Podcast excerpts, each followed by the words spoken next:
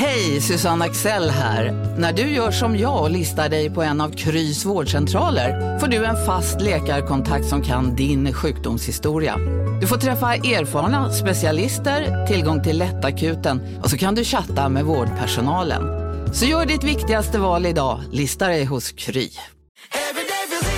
Som medlem hos Circle K är livet längs vägen extra bra.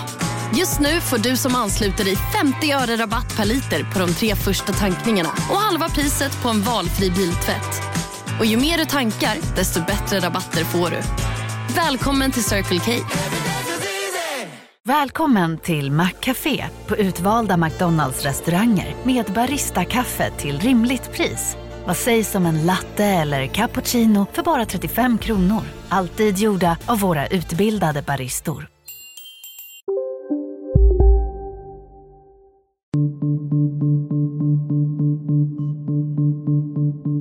Hade de killarna fått chansen så hade jag nog inte levt idag, det tror jag inte. Menar du det? De hade lynchat De, de ihjäl hade sparkat ihjäl mig.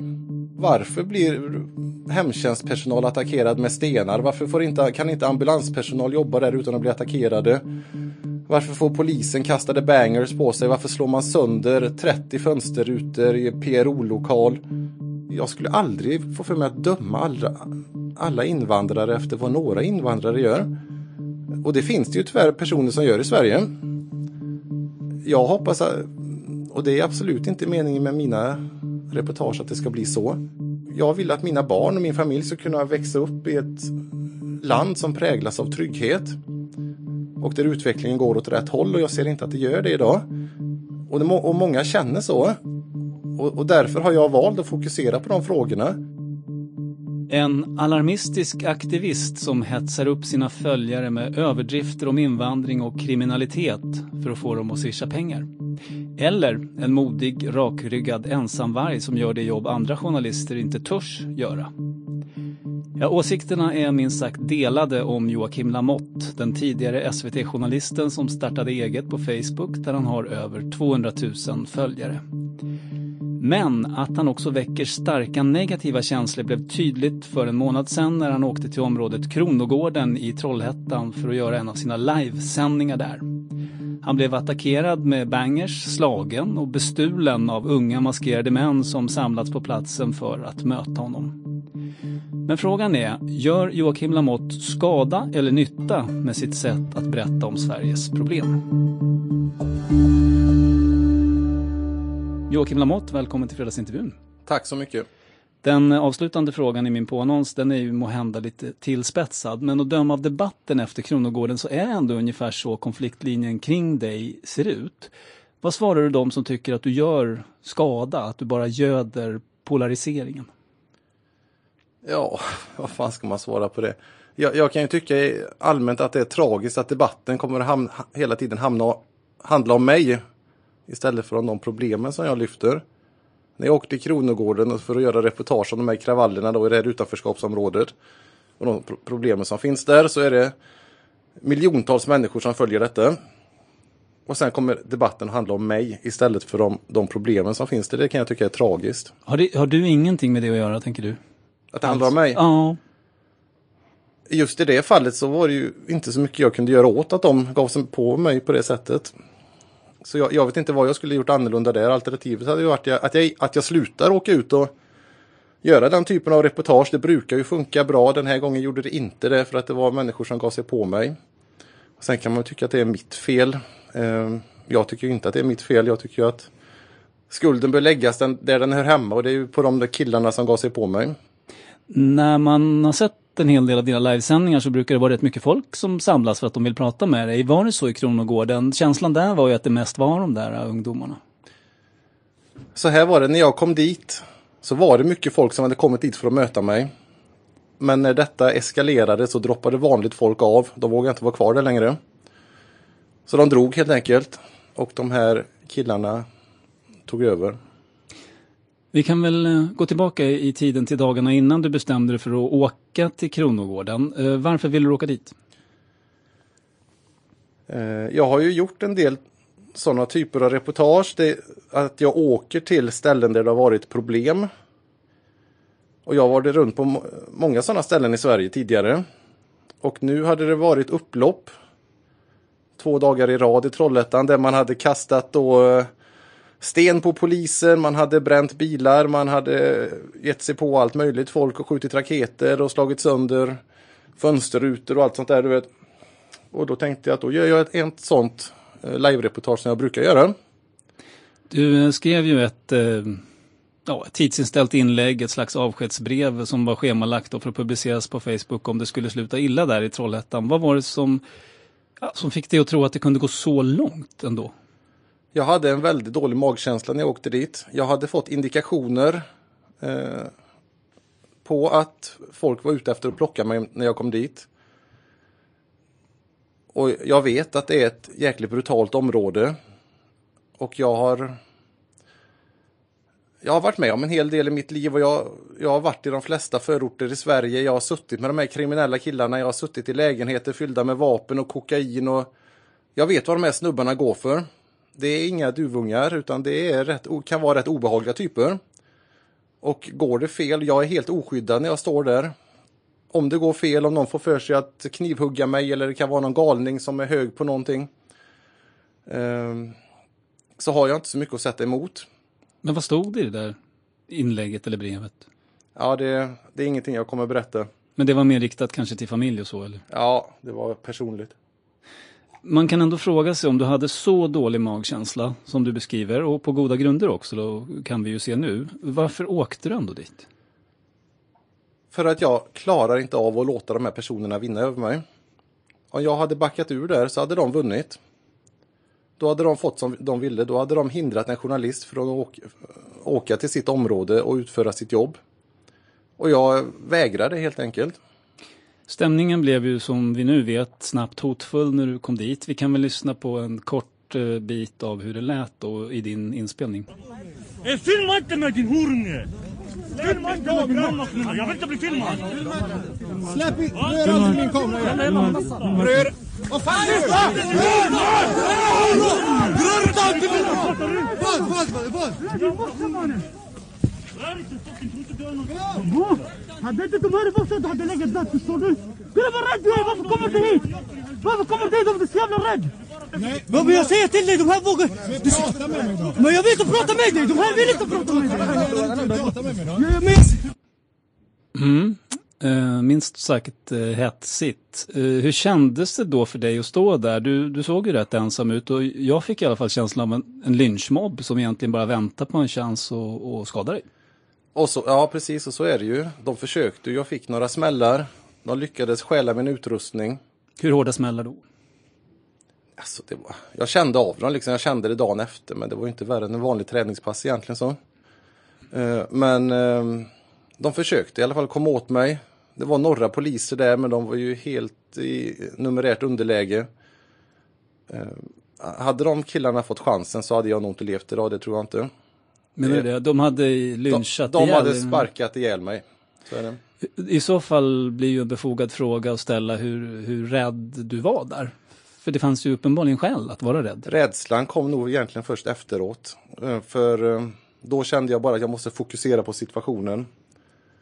Eh, och försöka lösa det här på något sätt. Och när rädslan kom, vad, vad kände du då? Ja, det kom nog inte egentligen förrän några dagar efteråt, för jag var så uppe i varv. Um, um, för efter detta, det, blir ju, det spreds ju som en löpeld på sociala medier. Det blev helt galet. Jag var ner, eh, nerringd, nermailad, alla skulle ha tag på mig och jag satt och följde flödet liksom dygnet runt. Jag sov knappt på flera dygn efter detta. Uh, så det var väl först runt jul det som jag började landa lite och undra vad fan var det, var det värt det och vad kunde hänt? Och... Klandrade du dig själv? Eller? Nej, men jag tycker ändå att jag gjorde rätt. Som åkte dit. Mm. Men har du, om du säger att du landade då vid, vid jul, vad var det som, hur kändes det då, då? Om du inte var riktigt rädd precis där och då för du var så fokuserad, när du sen förstod vad du hade varit med om, vad, vad var känslan? Nej, men det, var, alltså, det är en obehagskänsla. Och det är ju också en rädsla, vad kommer hända nästa gång när jag ger mig ut? Mm. Och tankar finns ju på att så här, ska jag sluta göra det här, de här grejerna nu? Eh, det kommer jag inte göra. Jag kommer fortsätta med detta. Men... Polisen pratade vi om. Um, ja, de framstår ju som ganska få. Å andra sidan märkligt passiva. De låter ändå det här ske. Du får ta emot en del slag och du blir som sagt bestulen då. V vad ska man tänka om det? I den bästa av världar så skulle de här killarna gripits med en gång och forslats iväg för de, de störde ju ordningen. Så det fanns, Minst sagt. det fanns ju goda skäl då. De begick ju brott framför ögonen på polisen. Eh, Så de skulle grip, gripas och skickas iväg. Eh, Ja, I det här läget så förstår jag att polisen inte gjorde det. För de var för få. Hade polisen gripit någon av de killarna så hade de gett sig på polisen också. Då hade de inte haft en chans. Polisen har ju skjutvapen. Om de inte hade dragit vapen. Det hade varit enda chansen för dem. Är det helt fel då? Alltså för min del hade de gärna fått börja skjuta på de här killarna. Men jag tror inte att det hade varit så lyckat. Det var ju liksom, det stod ju civila människor där bakom. Hur ska de här skotten gå? Vad kommer hända? Ja, alltså. Men jag har ju förstått sen också att jag pratade med en, en kille som går på en polishögskola i Sverige förra veckan. Då sa de att då visar de upp de här filmerna från Kronogården där jag var med. Som ett exempel på ett polisiärt misslyckande. Och vad, vad bestod misslyckandet i deras ögon? Ja, att de, de här killarna till, tilläts begå brott framför ögonen på polisen. Och vad menade man på polisskolan att man borde ha gjort då? Ja, jag vet inte exakt. Eh, Förmodligen så skulle det varit fler poliser där från första början. Men det är någonting när man tittar på det där. eh, Det, det liksom kryper sig på lite gradvis också. De tappar liksom greppet. För egentligen är det ju så att eh, polisen har våldsmonopol. Och de ska göra vad som krävs för att freda dig i den situationen och freda sig själva. Det är det som skapar den här lite konstiga känslan när man tittar. Ja, så kände jag ju också när jag stod där. Jag kände att polisen, om de polisen gör någonting fel här nu, om de börjar gripa någon person, då är de helt rökta och då är jag rökt också. För, för att gripa en person, det krävs tre poliser. Och då kanske, jag vet inte hur många de var, de kanske var fem där då kanske. Och det hade varit två poliser kvar då som skulle hantera 50 pers eller vad det var som då skulle flyga på oss. Och visst, de kan dra vapen och börja skjuta och det kanske de skulle ha gjort. Men jag vet inte. Det är lätt att sitta på läktaren. Eh, man insåg i alla fall att det var en väldigt svår situation för polisen och misslyckandet kanske bestod i att de var för få på plats, vem vet. Hur som helst, dagarna efter var det flera som gjorde sig lustiga över både ditt eh, så kallade avskedsbrev och den situation du befann dig i där. På Twitter skrev Alexandra Pascalido så här. Ska ner till tvättstugan denna söndag kväll med ett lass lakan som behöver tvättas och manglas, men jag har skrivit ett tidsinställt avskedsbrev ifall något skulle hända mig där nere.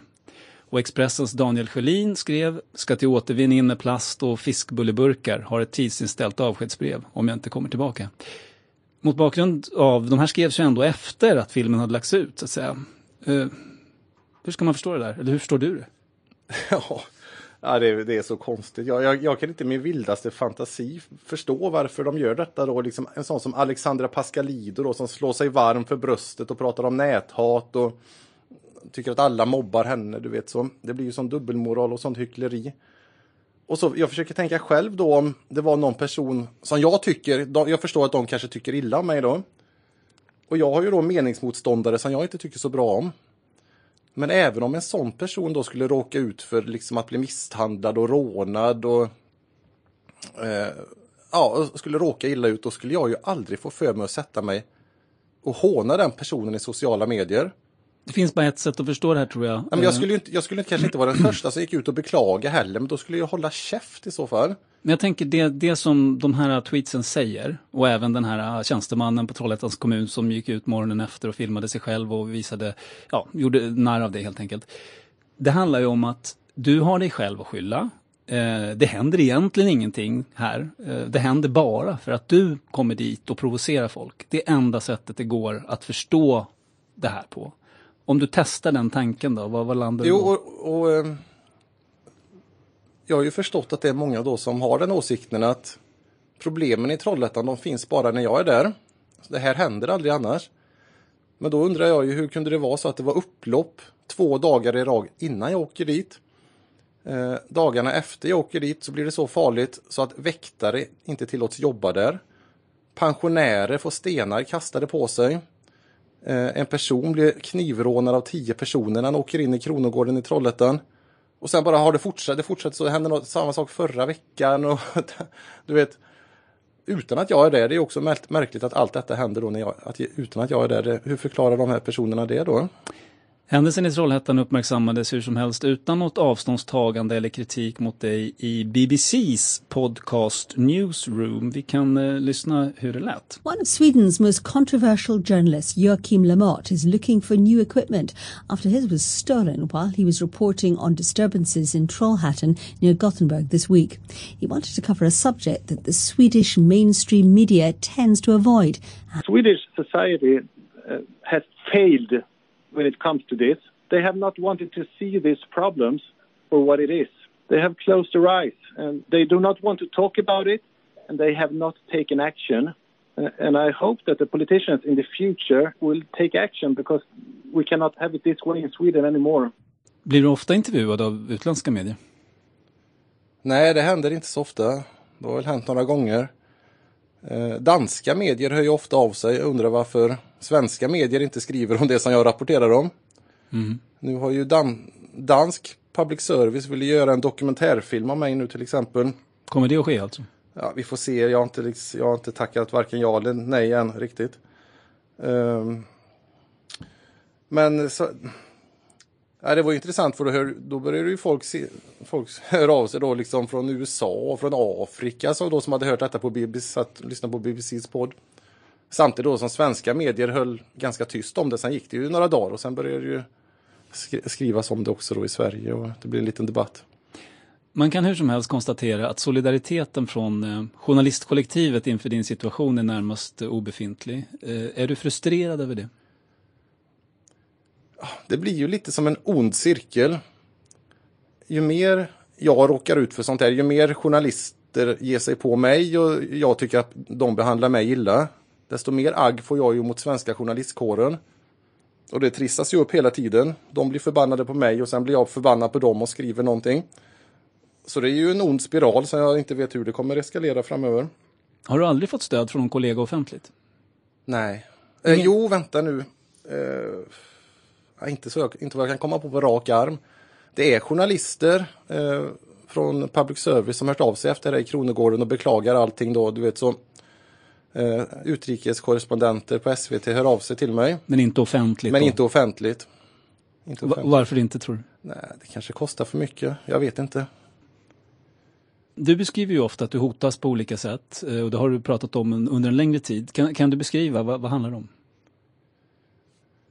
Det är telefonsamtal, sms, eh, meddelanden i sociala medier om att jag ska slaktas och min fru ska våldtas och mina ungar ska våldtas och slaktas och det ska vara, placeras bomber och, eh, under våra bilar och ja, den typen av grejer. Hur ofta händer det? Det går i vågor.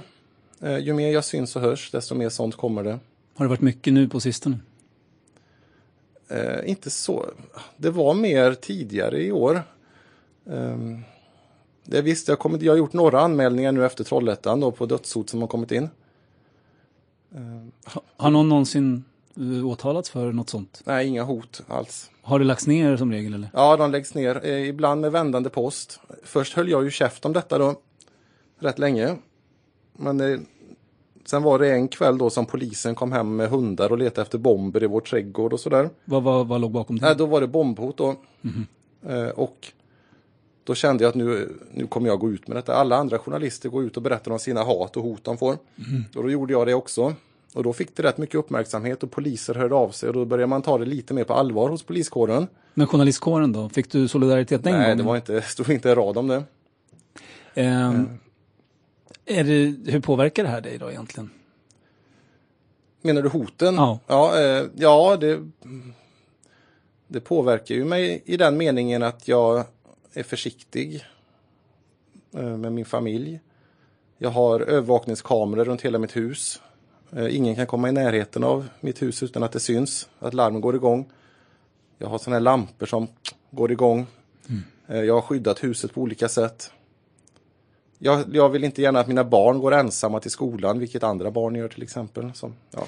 ja, men bara att behöva vidta den typen av åtgärder, det kan ju skruva upp en känslomässigt, tänker jag. Ja, det blir det och det gör ju att jag är på helspänn hela tiden. Sover du på nätterna? Eh, ja, i perioder mindre, men ja.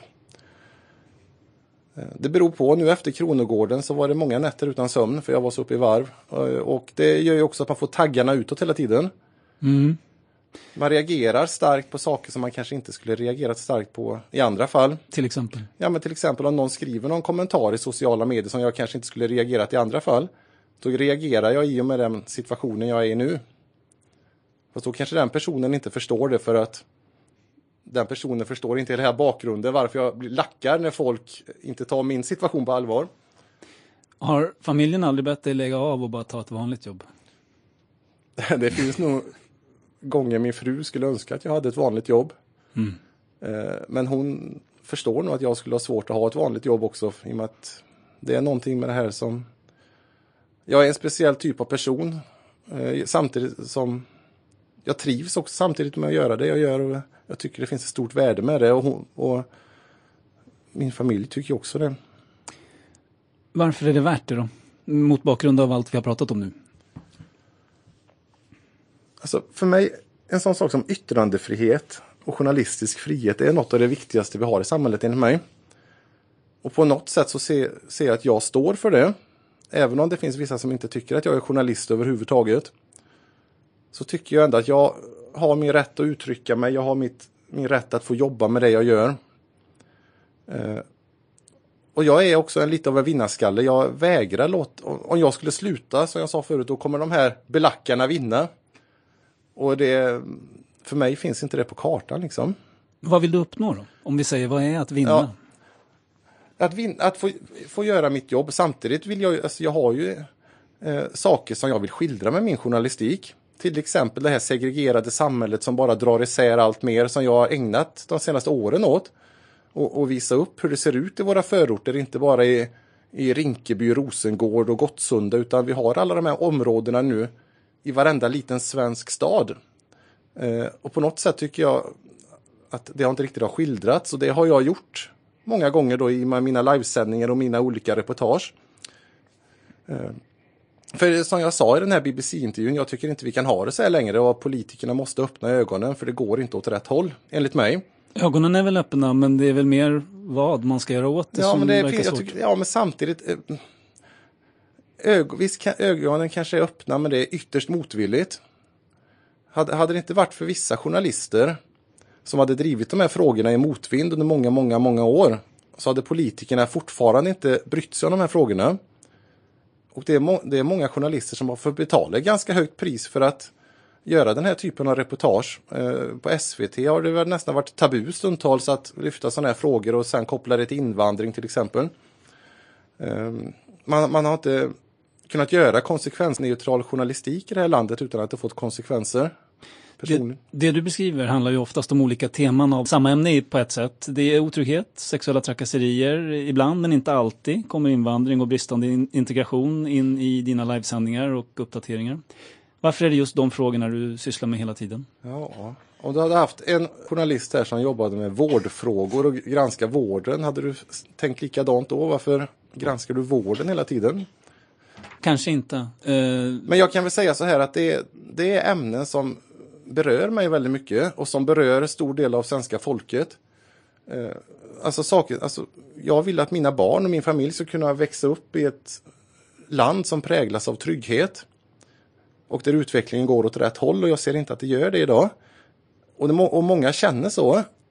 Och, och därför har jag valt att fokusera på de frågorna. Och sen när man väl börjar prata om trygghet, brottslighet eh, och sånt där. Då är det omöjligt att inte komma in på migration och invandring och integration. För det hänger så nära ihop då. Um.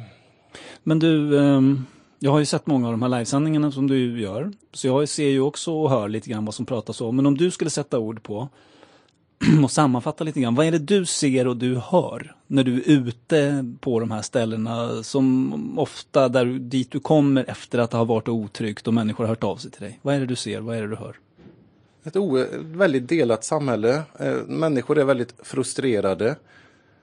Jag ser att vissa områden, eh, det, det finns i varenda stad så finns det områden där svenskar med alltså traditionellt svensk bakgrund flyttar ifrån och det blir bara personer med invandrarbakgrund kvar där. Eh, det spelar ingen roll om det är Nyköping, om det är Uddevalla, om det är Trollhättan. Eh, de här områdena rensas på eh, personer med svensk bakgrund. Förr som jag sa så hade vi de stora mm, förortsproblemen i våra stora städer. Nu har vi det i varenda svensk kommun. Och när började det bli så? Ja, det, har ju, det har ju varit en, givetvis en ganska lång process men det, det har inte skildrats riktigt. Jag vet att jag, växt, jag bodde ju i Trollhättan när jag var yngre. Och redan då var ju Kronogården ett, eh, lite av ett problemområde. Men det var ju inte alls den typen av problem som vi ser idag. Nu har ju nästan varenda svensk flyttat därifrån. Eh, jag, jag var ofta i Kronogården när jag var yngre, hälsade på kompisar. Jag tränade mycket där.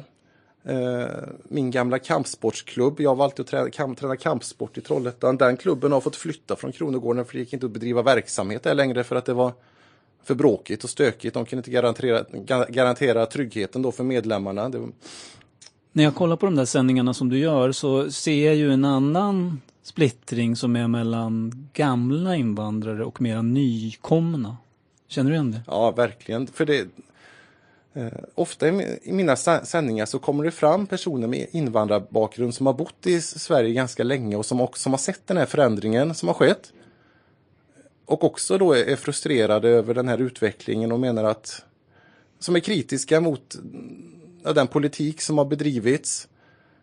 Och som menar att när vi kom hit då, fanns, då, då var det inte så här och Sverige har tagit in för många och nu har vi fått en utveckling som ingen ville ha. Är det den politiken de framförallt är kritiska mot? Alltså samma politik som egentligen möjliggjorde att de själva kunde komma ja, hit? Det, ja, faktiskt. Ja, ja men lite, lite så. Och, um, det är många invandrare som hör av sig till mig och, och, och säger, säger att nu, nu måste det få ett stopp. Vi kan inte hålla på så här längre i Sverige. Och, och det, är, det är intressant för som du säger då att då kanske de själva inte hade kommit hit från första början. Då. Mm. Det, det här är ju ett tema som dominerar väldigt mycket även i vanlig media numera, det vill säga migration och kriminalitet och eventuella kopplingar däremellan. Hur, hur tycker du att det bevakas då av de, av de stora medierna? Ja, det bevakas ju annorlunda nu än vad det gjorde för ett par år sedan ibland kan man ju läsa artiklar i Expressen som man, man först tänker det här skulle, att det är publicerat i fria tider. Så utvecklingen har ju svängt väldigt mycket. Idag kan man prata lite mer öppet än vad man kunde förut. Eh, fast det är ofta, eh, eller ibland ska jag säga så, eh, svänger det tillbaks. Jag vet, det, är, det är lustigt det här med, det har ju varit en diskussion om man ska då nämna härkomst och hudfärg och sånt här med när man rapporterar om brott. Och SVT är ju så konsekvent, sånt som, eller inte konsekvent, men ofta så när polisen går ut med bilder på misstänkta brottslingar så skriver, gör SVT ett reportage att nu har polisen gått ut och ber om hjälp att få tag på den här personen och så blurrar de hela ansiktet. Mm. Då undrar jag ju varför gör de ens det där reportaget? Ja, vad tror du? Ja, jag vet inte. Uh, men men generellt sett så har väl rapporteringen förändrats lite och det, jag kan säga det att det är vissa journalister som har legat i framkant. Mm. Eh, det finns vissa journalister på SVT, eh, sådana som jag, vissa andra, som har vågat rapportera om de här frågorna. I andra vågskålen tänker jag, så ligger ju, och det ser man ju också ofta i dina sändningar, att människor med invandrarbakgrund, när den här diskussionen kommer upp, att det har kommit för många, det leder till segregation och kriminalitet, att de på något sätt ändå känner sig kollektivt Big Mac har miljarder fans över hela världen. Under mer än 50 år har den skapat popkulturell historia. En legend med 100% nötkött och den mytomspunna såsen. Nu finns Big Mac för bara 39 kronor på McDonalds. Okej hörni, gänget. Vad är vårt motto? Allt är inte som du tror. Nej, allt är inte alltid som du tror. Nu täcker vårt nät 99,3 procent av Sveriges befolkning baserat på röstteckning och folkbokföringsadress. Ta reda på mer på 3.se eller i din 3-butik. Hej, Synoptik här. Livet med glasögon ska vara bekymmersfritt. Därför får du 30% på alla glasögon när du väljer Synoptik All Inclusive. All service ingår alltid. Välkommen till Synoptik. Anklagade att det, det, är fel på dem bara för att de är invandrare. Den typen av splittring. Är du rädd för att det kommer också som en oönskad konsekvens av att vi lyfter de här, den här diskussionen? Ja, och, det, och jag känner ju mycket för de här människorna. Som, jag förstår mycket väl att de känner på det sättet. Och det skulle jag förmodligen också känt ifall jag var i deras kläder. För det kan inte vara så jäkla roligt att vara invandrare i det här landet och samtidigt varje dag då läsa om invandrare som begår gruppvåldtäkter, eh, rån och allt vad det nu är. Och dessutom och, känna att man döms bara ja, på grundval precis. av hur man ser ut. Nej, och då, då kan jag förstå den reaktionen. Och, men samtidigt ska vi ju komma ihåg att Sverige är ju ett av världens minst främlingsfientliga länder. I alla sådana här mätningar som görs så är ju vi svenskar de mest toleranta. Eh, så oavsett vilket land man hamnar i som utlänning så möts man ju av en ske viss skeptisk och då är väl nog ändå Sverige ett av de bättre länderna att befinna sig i skulle jag tippa. Så du är mindre rädd för växande rasism och främlingsfientlighet än vad du är för den här utvecklingen som du, du skildrar med otrygghet och segregation? Ja, jag kan väl säga att jag är lite rädd för båda delarna för jag, jag menar ju att man måste förhålla sig till verkligheten och man kan ju inte döma. Jag, jag, jag skulle aldrig få för mig att döma alla, alla invandrare efter vad några invandrare gör. Och det finns det ju tyvärr personer som gör i Sverige. Jag hoppas, att, och det är absolut inte meningen med mina reportage att det ska bli så. Men samtidigt tycker jag att det är så otroligt viktigt att skildra verkligheten för vad det är. Eh, och så får man på något sätt hoppas att folk är förnuftiga och kan ha två tankar i huvudet samtidigt. Tycker du att det är så? Både ja och nej. Jag tror att den stora massan klarar det. Eh, jag tror inte att Sverige är ett speciellt rasistiskt land jämfört med andra länder.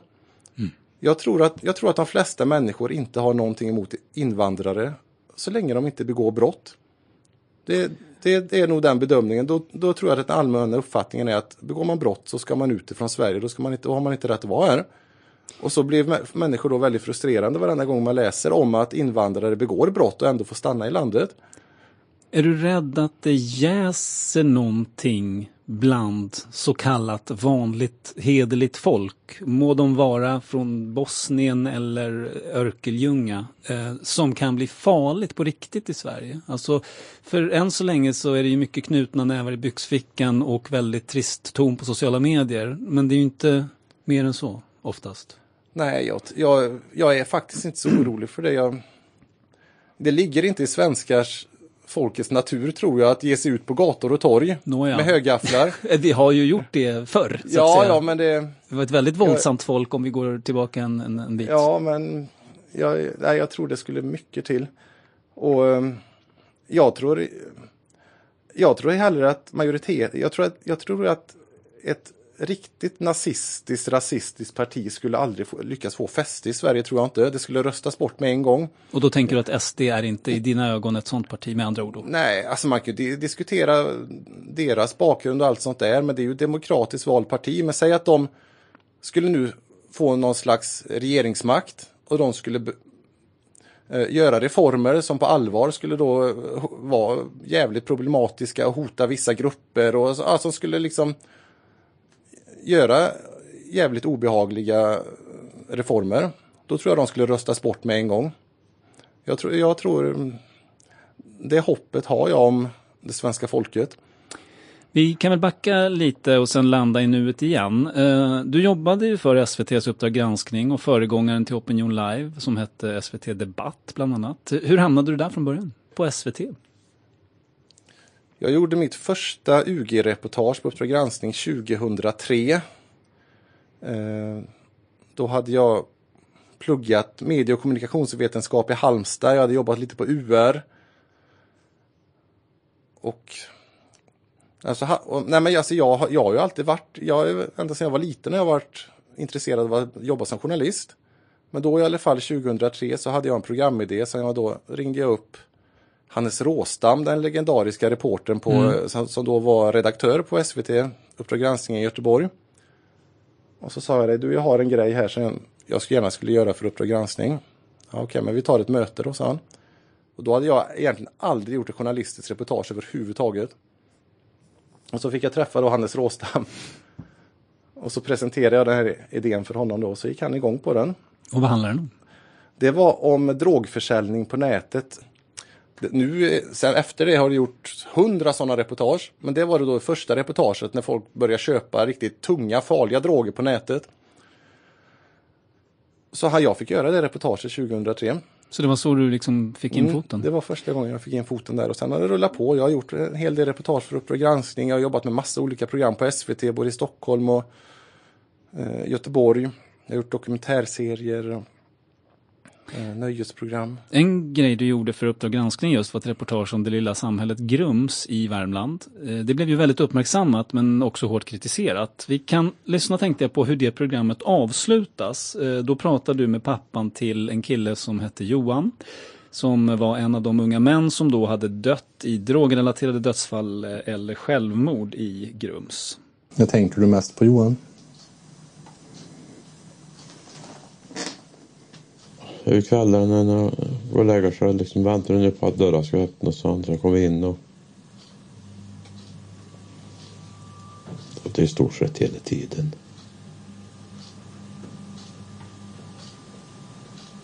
Ja, det är ofattbart. Vad ska man göra med ett samhälle som Grums? Ja, jag vet inte.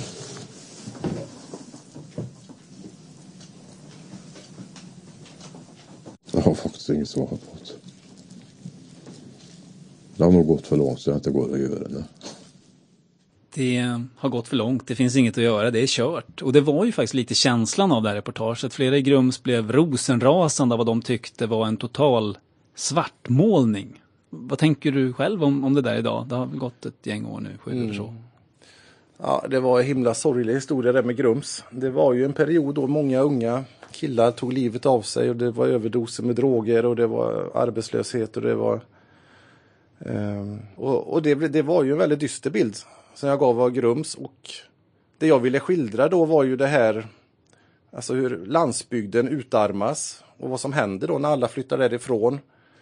Ehm, och väldigt få blir kvar, arbetstillfällen försvinner och och sen gick ju då kommun- kommunalrådet ut och skrev en artikel att jag svartmålade Grums. Och, och ja, jag kan förstå det för man, det är inte roligt att få sin bygd då liksom uppvisad på det här sättet. Det är ju samma sak om man, det känner ju så folk, samma, det känner ju folk som bor i förorter också då. Eh, sen gick det ju något år där och sen fick ju kommunalrådet gå ut och be om ursäkt. Var det så? Mm. För vad då Han skrev, ett, han skrev ett offentligt brev till kommuninvånarna. För det havererade ännu mer med de här dödsfallen och drogerna och till slut fick då de invånarna i Grums nog. Eh, Så då, han gick ut och skrev ett offentligt eh, brev där han bad om ursäkt då för situationen.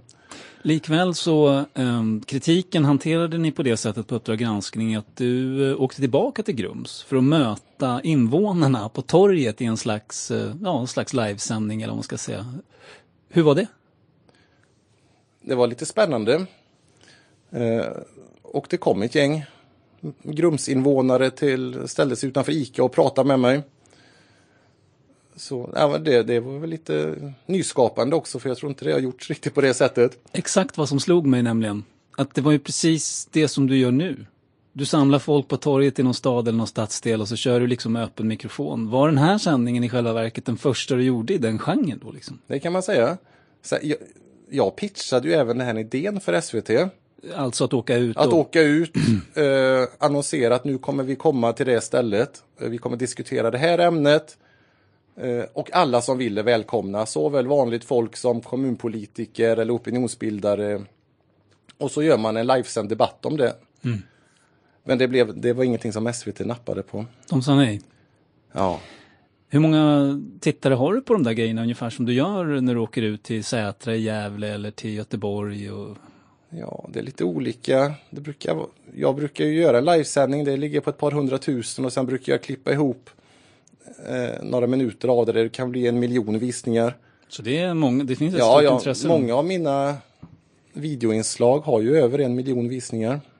För många journalister är det ändå drömmen, det som du var i, att få jobba på Uppdrag granskning på Sveriges Television. Varför blev du inte kvar?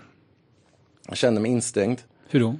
Eh, jag trivdes aldrig riktigt på SVT. Det, visst, det är, det är många bra människor där. Men det finns också... Eh, eh, det är lite bakåtsträvande. Jag fick inte riktigt utrymme att göra det jag ville och det var lite tungrot ibland i vissa frågor. Jag kommer ihåg redan för 14 år sedan så gjorde jag om ett fenomen som kallades för, för bötning. Att ungdomar utpressar varandra så som de kriminella gängen gör då. Man hittar på en skuld som man driver in. Ja, precis. Det gjorde jag för Uppdrag granskning då. då vet ni, jag satt, jag satt och gick igenom hundratals sådana här domar och utredningar. Och då slog det mig liksom att det är i princip bara invandrarkillar. Och då tyckte jag väl att kan man inte på något sätt redovisa det och problematisera kring det, men det var ju, det gick ju inte.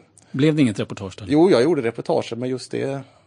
Och, sen, och det har ju varit likadant då när jag har gjort jag har gjort jag, reportage om när Rosengårdsskolan stängde, jag har gjort reportage om gängskjutningarna i Göteborg. Och, eh, och då tycker jag väl att man på något sätt kan redovisa liksom att det har lite med...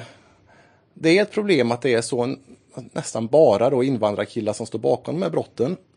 Eh, men det har varit väldigt svårt att beröra. Eh, Då, nu, nu har det gjorts flera sådana reportage både på SVT och i traditionella medier där man går igenom de här, gäng, de här gängen, 98 procent har invandrarbakgrund och du vet så. Mm. Men på den tiden så var, var det väldigt problematiskt om man skulle nämna det. Eh, hur som helst, för fyra, fem år sedan någonting så började du publicera journalistiskt material på Facebook istället då och försökte få det hela att gå runt med eh, frivilliga bidrag. Hur går det ekonomiskt? Ja, jag överlever på det. Det Ehm, går runt. När Robert Aschberg skrev om dig efter Trollhättan just, så försökte han göra gällande att du blir rik på det här. Eh, ditt och din frus gemensamma bolag omsatte nästan 3 miljoner under 2018, gjorde ett resultat på strax över en miljon. Hur mycket av det där kommer från din verksamhet så att säga? Jag har ju en väldigt begåvad fru. Hon är naprapat va? Hon är naprapat Mm. och driver en egen klinik. Eh, sen, jag kommer inte gå in, jag kommer inte sitta här och gå in på Nej, nej. hur mycket som är hennes och sånt. Det var intressant att Robert Aschberg inte nämnde detta då. Mm. Det var precis som han kan väl han trodde att, tänker han att tjejer inte kan tjäna pengar. Eh, hon är ju väldigt framgångsrik i det hon gör. Och sen har vi ett gemensamt eh, familje, familjeföretag. Där både naprapatin och journalistiken ingår. Precis. En snabb slagning på dina inkomster som vem som helst kan göra visar att de motsvarar en normal månadslön på sådär 30 000 ungefär. Mm. Eh, Det, är det det som är liksom din, det är det du lever av? Ja. Och det här med att få in pengar via frivilliga bidrag då, för övrigt samma sätt som vi på Kvartal finansierar oss på, det har ju kallats för olika nedsättande saker. Vi ska lyssna på eh, hur det lät i eh, P4. Swish-journalist skulle jag säga att det är någon som säger sig vara journalist och som då inte tillhör ett mediehus men som tar in pengar eh, på, via Swish då. Alltså Ja. att man, man tigger pengar helt enkelt för att få fortsätta och, och verka. Jag kallar dem ju Swish-hora. Eh, Mm. Swishora, ett nytt ord myntades där. Vad, vad tänkte du när du hörde talas om det där? Ja, jag blir ju inte förvånad för jag vet, jag vet ju att många av de här public service-journalisterna har svårt för mitt sätt att jobba. Samtidigt sitter de själva med sina trygga anställningar och tar ut lön då på skattebetalarnas bekostnad. Eh, och jag kan tycka att det är lite osmakligt att sitta och raljera över då journalister som försörjer sig på egen hand. Eh, men ja, vad ska man säga? Det är, men det är korkat, otroligt korkat. Och jag, jag stör mig också över den här så kallade Swish-debatten. Det är också så här, varför pratar man inte om de verkliga problemen istället? Kan man, kan man inte någon gång bara sluta skjuta bu- budbärarna och prata om problemen som finns istället? De riktiga problemen. På tal om det så har jag ju som jag sa kollat igenom ganska många av dina livesändningar och de börjar ju nästan på samma sätt alltid. Att du åker ut till ett ställe där otrygghet har växt och människor är oroliga. Oftast klagar de på att invandrargäng faktiskt just förpestar tillvaron för de som bor där. Eh, Då blir frågan, är detta svartmålning eller är det det inte? Det, jag kan säga att det är väl delar av verkligheten. Det är ju ingen som påstår att det till exempel är upplopp i Trollhättans stadsdel Kronogården dygnet runt. Utan det jag visar upp det är ju ett brottstycke av verkligheten. Det är klart att det finns en, en van, vardaglig lunk i Kronogården också. Folk går till jobbet och de sköter sitt ditten och datten. Men sen sker ju de här problemen. De här problemen finns ju där som inte finns i andra stadsdelar. Och då åker jag dit och visar detta. Och så tycker vissa då att jag svartmålar till exempel förorten eller jag svartmålar Grums eller vad det är. Men det är så konstigt för när det gäller andra saker, när det, när det gäller andra typ, typer av samhällsproblem, då drar man inte upp svartmålningskortet. Till exempel om, om man gör ett reportage där, där en eh, kommunalpolitiker har köpt en spritnota. Då är det ingen som går ut och säger, men vänta nu, vi har hundra politiker här som inte har köpt en spritnota, som är väldigt duktiga och skötsamma. Varför pratar man aldrig om dem? Utan då blir ju fokuset på problemet. Om, ett, om ett flygplan kraschar på Landvetter så gör man ju ett reportage om det. Men man rapporterar ju inte om 200 flygplan landar pro- problemfritt. Helt korrekt, men vad beror det då på att, som du säger, svartmålningskortet kommer upp i just det här fallet? Jag vet inte, men det är väl mm, Mm, lite beröringsskräck och det är ett lite känsligare ämne av olika anledningar. Och... Nej, jag vet inte. Jag... För mig så är det lite obegripligt, men det finns säkert andra som har något bra svar på det. En av dina främsta antagonister får man säga heter Andreas Magnusson och skriver för ett magasin som heter Paragraf. Jag ska citera något som han skrev eh, bland annat om det här med svartmålningen. Då. Själv har jag under hela mitt liv antingen bott i ett utanförskapsområde eller arbetat med människor från utanförskapsområden. Och jag har svårt att se något positivt med att de här platserna används som rekvisita av människor som vill plocka billiga politiska poäng eller plocka swishpengar från lättlurade människor som använder tangentbordet som sköld mot det okända. Så långt Andreas Magnusson. Eh, din kommentar till det? Ja, här har vi då en av Sveriges största tänkare genom tiderna. Andreas Magnusson. Nej, jag vet inte, men då kan- får han väl förklara vad de här problemen beror på. Varför blir hemtjänstpersonal attackerad med stenar? Varför får inte, kan inte ambulanspersonal jobba där utan att bli attackerade? Varför får polisen kastade bangers på sig? Varför slår man sönder 30 fönsterrutor i PRO-lokal? Jag, jag såg en ansats till förklaring i den eller en annan text av honom som var att eh, någon gång på 90-talet, början av 00-talet så övergavs de här områdena av politikerna, tror jag han uttryckte det ungefär, eller av de styrande. Kan det vara en del av förklaringen? Ja, visst, det kan det ju vara. Samtidigt är det ju, har, de här, har ju politikerna överöst de här områdena med pengar, å andra sidan. I i stort sett meningslösa projekt.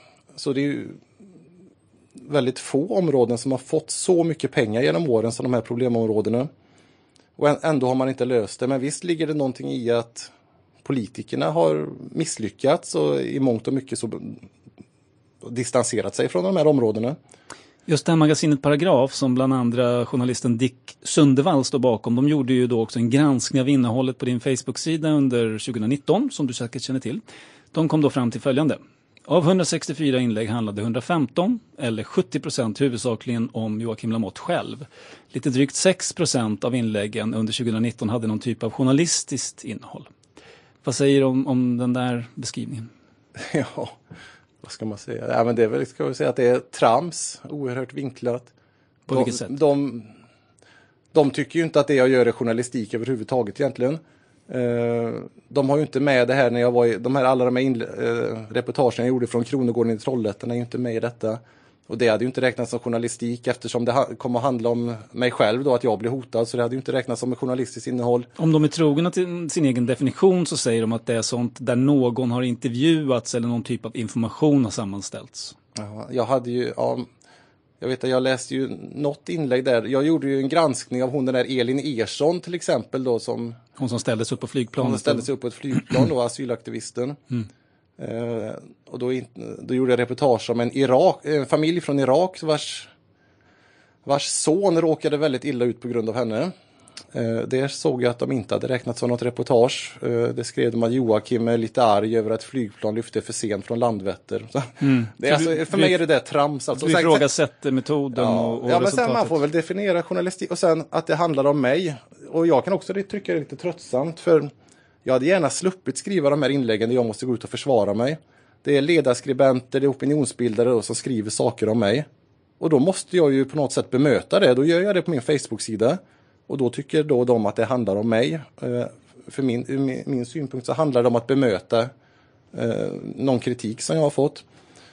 Eh, och sen, det, man kan ju göra så, man kan ju granska alla journalister på det sättet. Göra liknande granskning då med till exempel reportrar på Uppdrag granskning som gör kanske ett eller två reportage på ett år. Mm. man får ju någonstans också se vad, alltså, vad innehåller de här reportagen som jag gör som får mycket uppmärksamhet? Det kanske hade räckt att jag hade gjort ett reportage varje år som hade fått så här mycket uppmärksamhet som Kronogården har gjort. Okej. Ehm, en annan kritik som ofta riktas mot dig är att du trots att din Facebook-sida då har över 200 000 följare som också är rätt aktiva, att du inte rensar bort kommentarer med innehåll som kan dra åt det rasistiska eller hatiska hållet på olika sätt. Eh, eh, håller du med om kritiken? Är du självkritisk när det gäller det där? Det är ju ett aktivt val jag har gjort. Jag raderar inte en enda kommentar från min sida. Ingenting? Ingenting. Inte en sakfel? Någon som påstår något som är Nej, helt och det, väggarna? och det eh, kliar i fingrarna ibland får jag säga, för det är så många som påstår fel, sak, felaktiga saker om mig. Och det är väldigt mycket påhopp mot mig. Och de Det tar du inte bort heller, Det alltså? tar jag inte heller bort. Mhm. Eh, och det, det handlar också om det här med yttrandefrihet. Jag tycker att folk har rätt att yttrandefri, eh, yttra sig utan censur. Eh, och så länge de inte begår lagbrott. Så låter du det vara?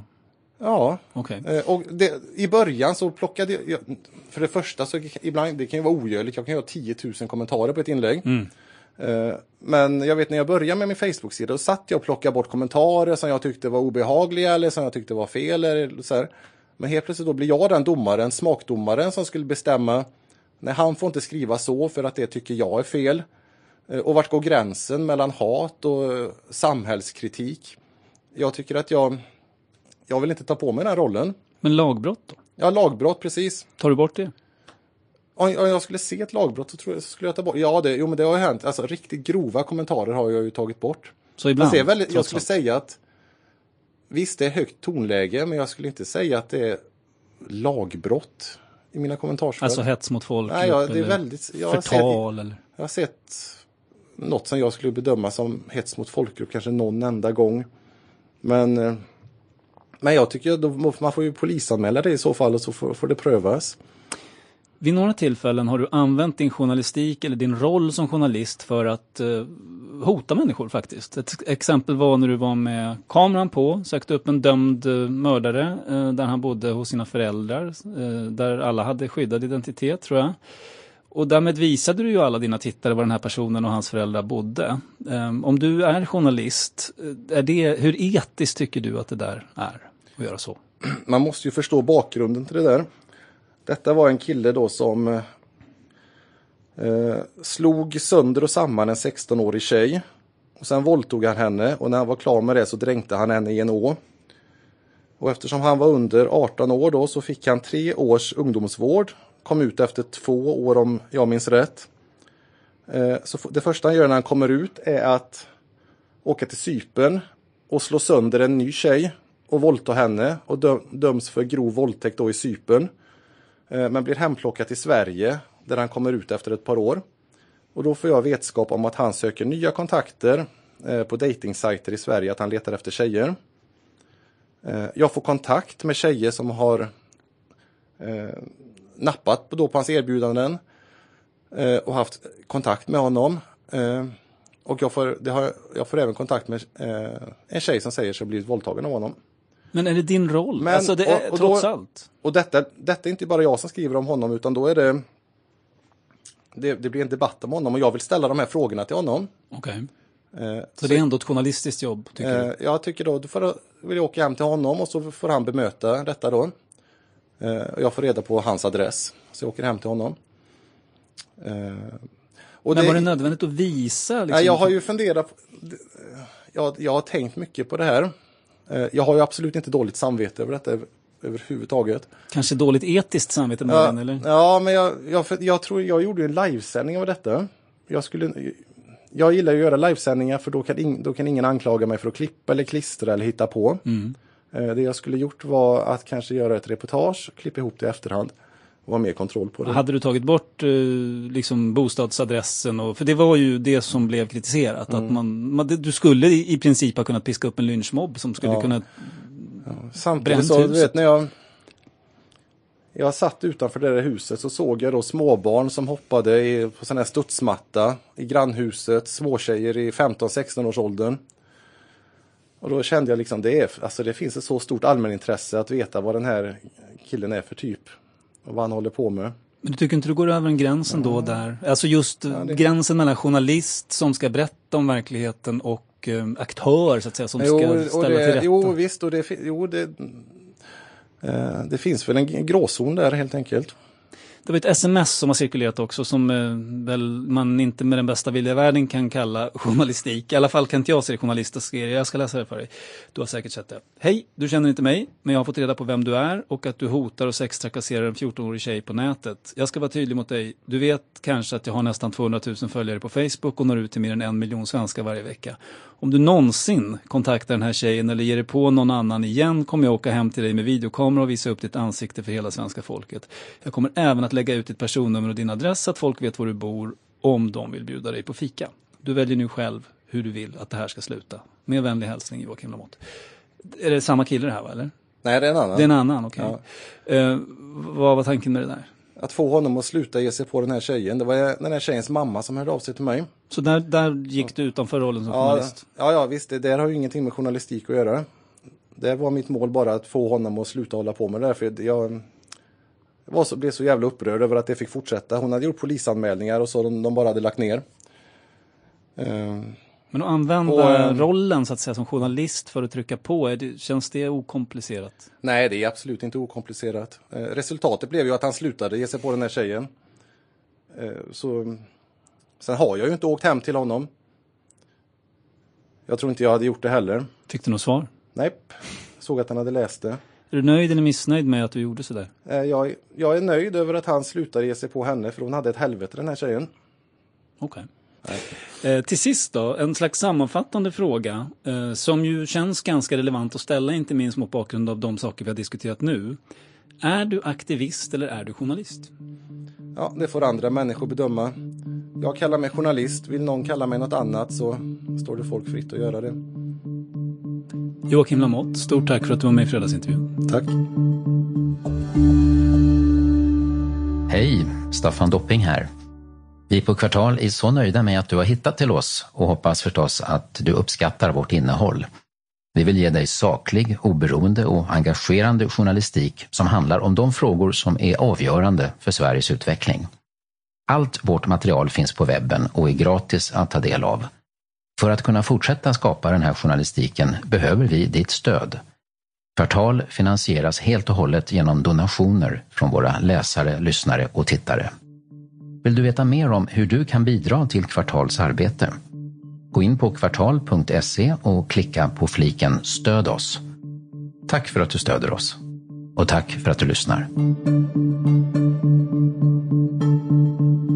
Thank you.